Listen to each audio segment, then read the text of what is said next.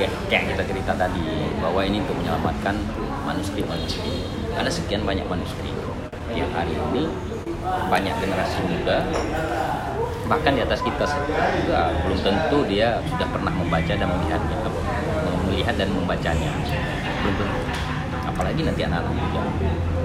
Makanya saya pikir penting aplikasi seperti itu untuk menyelamatkan manuskrip cuman jauh lebih penting dari itu selain aplikasi-aplikasi kan hanya media tapi bagaimana kalian bisa menampilkan manuskrip yang mendapat legitimasi karena kan banyak manuskrip hari ini yang misalnya antara sejarah tentang Hamzah Fansuri ada versi A, ada versi B, versi C. Misalnya sejarah tentang um, Putrova itu juga banyak betul versinya. Kan itu salah satu manuskrip yang perlu diselamatkan juga. Kemudian tentang Putrone dan lain-lain lah. Nah, itu banyak manuskrip. Ini juga penting. Kalian harus punya filter untuk itu. Apa metodologi untuk memfilter itu? Itu saya pikir kalian lah yang tahu. Misalnya salah satunya menggunakan seperti saya bilang tadi adalah yang dipercaya pemerintah. Tapi ingat, resmi dari hmm, ingat, pemerintah juga belum tentu punya semua manuskrip. Ya. Misalnya pas kalian bawa manuskrip ini, pemerintahnya belum pernah lihat. Ya. Artinya uh, pemerintah dan anak muda, khususnya seperti kegiatan kami inilah yang jadi mitra strategis, mah. Ya, harus jadi pasti akan menjadi mitra strategis. Makanya dalam penyelamatan ini, yang pertama untuk menyelamatkan agendanya, yang kedua adalah mempermudah orang akses sehingga manuskrip ini bisa dibaca oleh berbagai pihak. Tidak perlu harus ke perpustakaan, tidak perlu harus ke Aceh untuk tahu tentang manuskrip Aceh. Bisa dibaca di mana saja. Karena ini kan eranya juga sudah era uh, industri, uh, revolusi industri 4.0. Oh, artinya kita harus ikut. Kalau enggak kan kita akan ketinggalan. Jadi orang lain sudah me bisa diakses manuskripnya dari mana saja masa kita orang Aceh nggak bisa dan ini salah satu yang luar biasa menurut saya makanya itu yang paling pentingnya di situ kan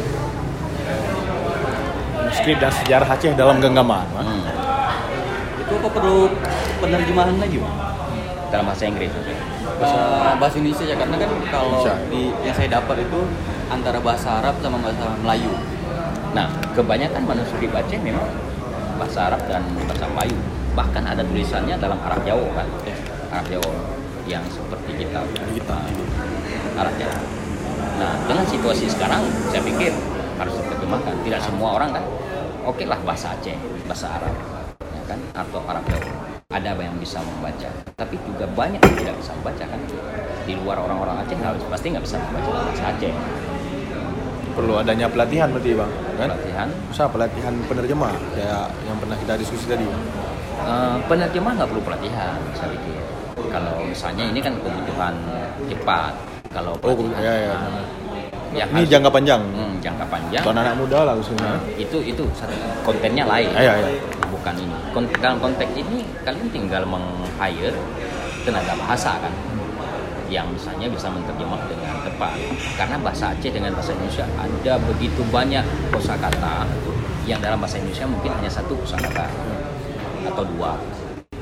Perbedaan bahasa Inggris dengan bahasa Indonesia.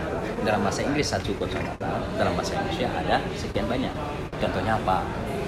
Misalnya beras. Apa bahasa Inggris uh, rice rice nasi bahasa Inggris rice rice juga padi bahasa Inggris rice juga bahasa Aceh juga makanya harus punya orang yang memang betul-betul kompetensi dalam bahasa agar dia bisa menerjemahkan ini dengan tepat. Dan di Aceh menurut abang tenaga untuk penerjemah ini apa Ada. sudah mumpuni? Sudah. Sudah mumpuni. Bahasa Aceh ke bahasa ini. Ada beberapa doktor yang tesisnya tentang bahasa Aceh.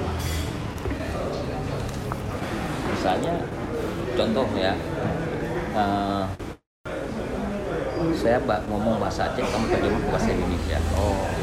Masuk ke dalam. Tambang dalam. Naik ke atas. Di waduh.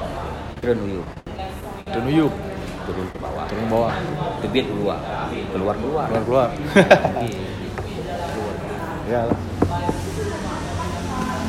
nah, nah, itu contoh kasus. Ya kan makanya kalau misalnya kalian teman kalian yang buat bahasa kalau kajiannya harus sejauh itu. Ya nggak bisa riset. Sebulan lah ikut waktu cukup.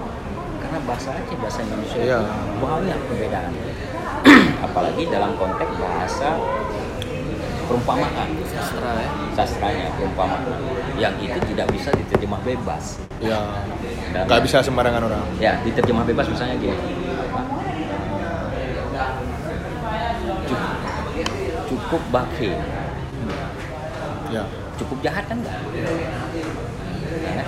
cukup baki cukup pali itu nggak bisa cukup jahat atau cukup nakal nggak hanya segitu. Karena artinya lebih dari itu. Lebih dari itu. Ya.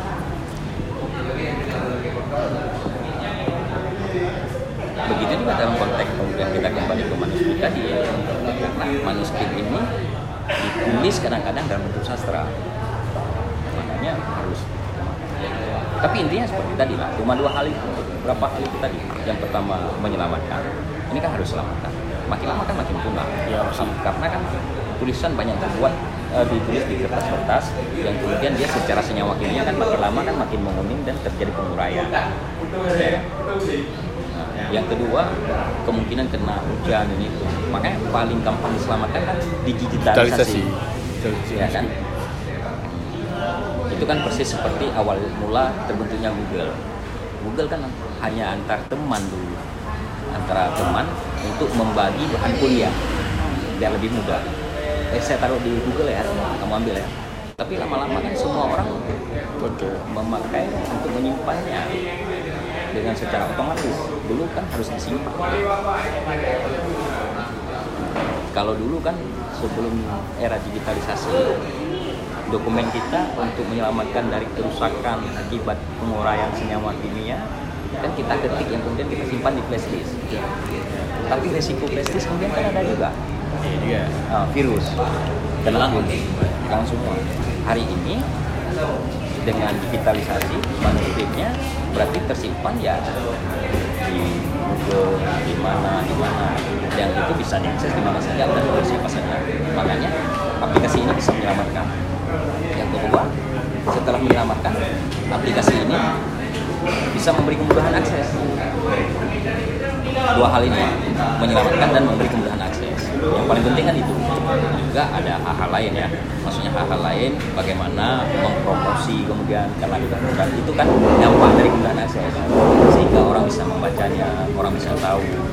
Kemudian orang-orang Aceh mengenal identitasnya entiti dia siapa dia dari mana tapi inti awalnya kan dua menyelamatkan dan kemudahan akses. Kan untuk tim kaki seribu. ya harapannya eh, ini bukan hanya untuk lomba kalau harapan saya.